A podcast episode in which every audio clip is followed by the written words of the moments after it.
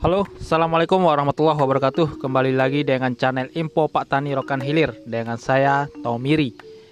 Uh, Pada malam hari ini uh, Kita akan membahas tentang Jerami padi Yang sangat luar biasa. Jadi setelah kita panen, ini kan baru panen nih. Jadi uh, ada baiknya kita akan mengulas sedikit tentang jerami padi. Nah, jerami padi ini uh, adalah hasil dari sisa dari panen yang tidak diambil ya yang mungkin di dikembalikan ke sawah itu sendiri. Jadi eh, mengapa ini perlu kita bahas? Karena eh, beberapa waktu yang lalu terjadi penangkapan. Nah, ini kan seru kita bahas ini penangkapan kepada petani yang melakukan pembakaran terhadap jerami karena eh, pembakaran ini termasuk salah satu tindak eh, apa namanya ya tindak kejahatan ya. Kalau di polisinya mungkin tindak kejahatan karena uh, di sini terpantau oleh hotspot uh, dari uh, Karhutla uh, kebakaran huta, hutan dan lahan gitu ya. Jadi ini salah satu uh, apa namanya? Uh, salah satu uh, menjadi uh, alasan mengapa kita bisa tertangkap seperti itu karena ini memang uh, sangat dilarang gitu ya, sangat dilarang oleh uh, pemerintah gitu. Karena banyak merugikan bagi ya, salah satunya adalah lingkungan. Nah makanya pada malam hari ini kita tertarik sekali eh, membahas tentang jerami padi.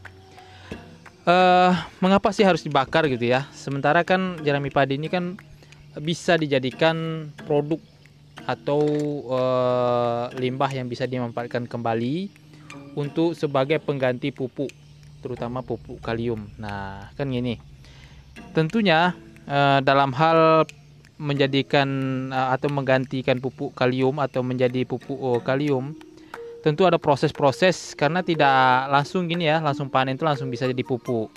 Jadi hal yang sangat perlu kita perhatikan adalah proses percepatan pembusukan jerami ini menjadi pupuk gitu ya jadi pupuk pengganti kalium. Nah kalau dihitung itu dalam satu hektar itu bisa menghasilkan jerami padi sebanyak 5 sampai 7 ton per hektar. Sedangkan untuk uh, apa namanya? Untuk uh, kekandungan dari kalium ini pada jerami padi itu dia uh, eh, 5 ton itu setara dengan 50 kilo kalium atau KCl gitu ya. Nah, ini kalau kita konveksikan ke rupiah satu karung rupiah, eh, satu karung KCL itu bisa menghasilkan apa mengeluarkan duit itu harganya sekitar eh, 360 sampai 400 ribu yang non subsidi gitu.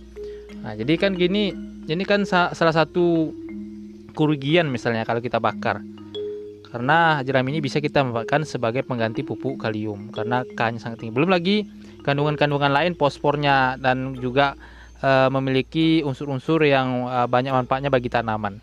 Nah, jadi supaya ketersediaan K ini lebih cepat gitu ya, tentu ada proses-proses yang sangat uh, diperhatikan atau sangat dilaksanakan supaya uh, jerami padi ini cepat pembusukan, kemudian juga uh, bisa digunakan sebagai pupuk. Nah, yang pertama itu jelasnya sekarang kan zamannya teknologi. Zaman panen menggunakan combine harvester. Nah, dengan menggunakan combine harvester ini uh, jerami padi ini sudah secara langsung uh, tidak menumpuk di satu tempat gitu ya. Karena kalau dulunya kita menggunakan uh, apa namanya menggunakan power tracer biasa gitu ya.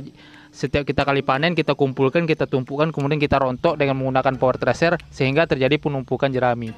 Setelah itu jerami padi uh, beberapa hari ke depan uh, dibakar oleh petani atau sengaja dibakar oleh orang-orang yang tidak bertanggung jawab gitu ya. Jadi sehingga terjadi kebakaran Nah sekarang ini kan sudah zamannya seperti itu. Jadi uh, alat panen ini salah satu mendukung juga uh, pemanfaatan jerami padi. Dengan cara pemanenan menggunakan combine harvester ini, jerami sudah tersebar secara uh, langsung gitu. Jadi ini adalah salah satu proses percepatan pembusukan dan juga mempermudah dalam hal penyebaran jerami.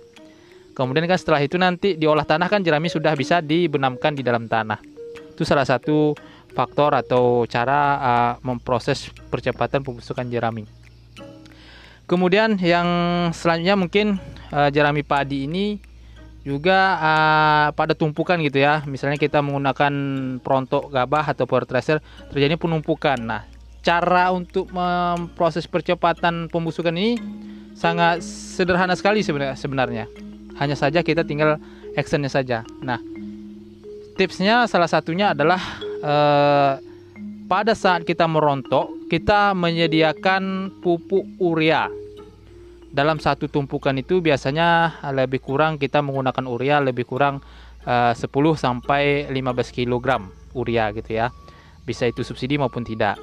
Jadi bagaimana caranya pada pelaksa apa namanya proses perontokan itu kan terjadi penumpukan. Nah, penumpukan itu sebelum tinggi, sebelum banyak ditabur urea, kemudian begitu beberapa tumpukan lagi gitu ya, lapis-lapis gitu ya. Nah, ditabur urea lagi sampai nanti berlapis-lapis. Nah, gitu. Sehingga yang 10 sampai 15 kilo itu eh, habis gitu. Jadi setelah itu nanti eh, lakukan eh, bolak-balik dalam skala waktu satu minggu sekali gitu ya. Jadi di dalam satu bulan dia sudah eh, proses pembusukan sangat cepat sekali. Jadi setelah busuk di penumpukan itu uh, barulah kita sebar. Memang kerjaannya masih banyak gitu ya, banyak. Tapi uh, diketahui bahwa dengan cara ini uh, apa namanya proses pembusukan sangat cepat kemudian juga dia bisa kita uh, jadikan pupuk uh, terutama pupuk kalium pada persemaian gitu ya kemudian juga kita bisa mengarahkan di lahan-lahan yang mungkin uh, kurang apanya kadar kadarnya gitu kita perbanyak di lokasi tertentu gitu ya nah, inilah keuntungan salah satunya. Uh, mungkin uh, apa nih jerami padi ini uh, dibakar atau apa itu memang seketika menghasilkan suatu zat apa namanya uh, arang gitu ya. Memang tapi ini tidak bisa bertahan di tanah karena merugikan uh, karena uh, laksan apa pembakaran ini bisa mematikan uh, mikroorganisme yang membantu uh, proses pembusukan di dalam tanah. Jadi uh, di dalam satu hektar uh, lahan bisa menghasilkan 5 sampai 7 ton uh, jerami padi sama artinya kita mendapatkan pupuk kalium sebanyak 50 kilo. Kalau dikonveksikan uh, menjadi uh, ribu rupiah gitu ya. Jadi kalau bisa memang uh, janganlah jerami ini dibakar, diproseslah sesuai dengan uh, apa namanya uh, kaidah lingkungan gitu ya. Nah, mungkin demikian uh, pembahasan kita pada malam hari ini. Mudah-mudahan bermanfaat bagi petani kita semua semoga diimplementasikan. Terima kasih. Kami Ahri. Assalamualaikum warahmatullahi wabarakatuh.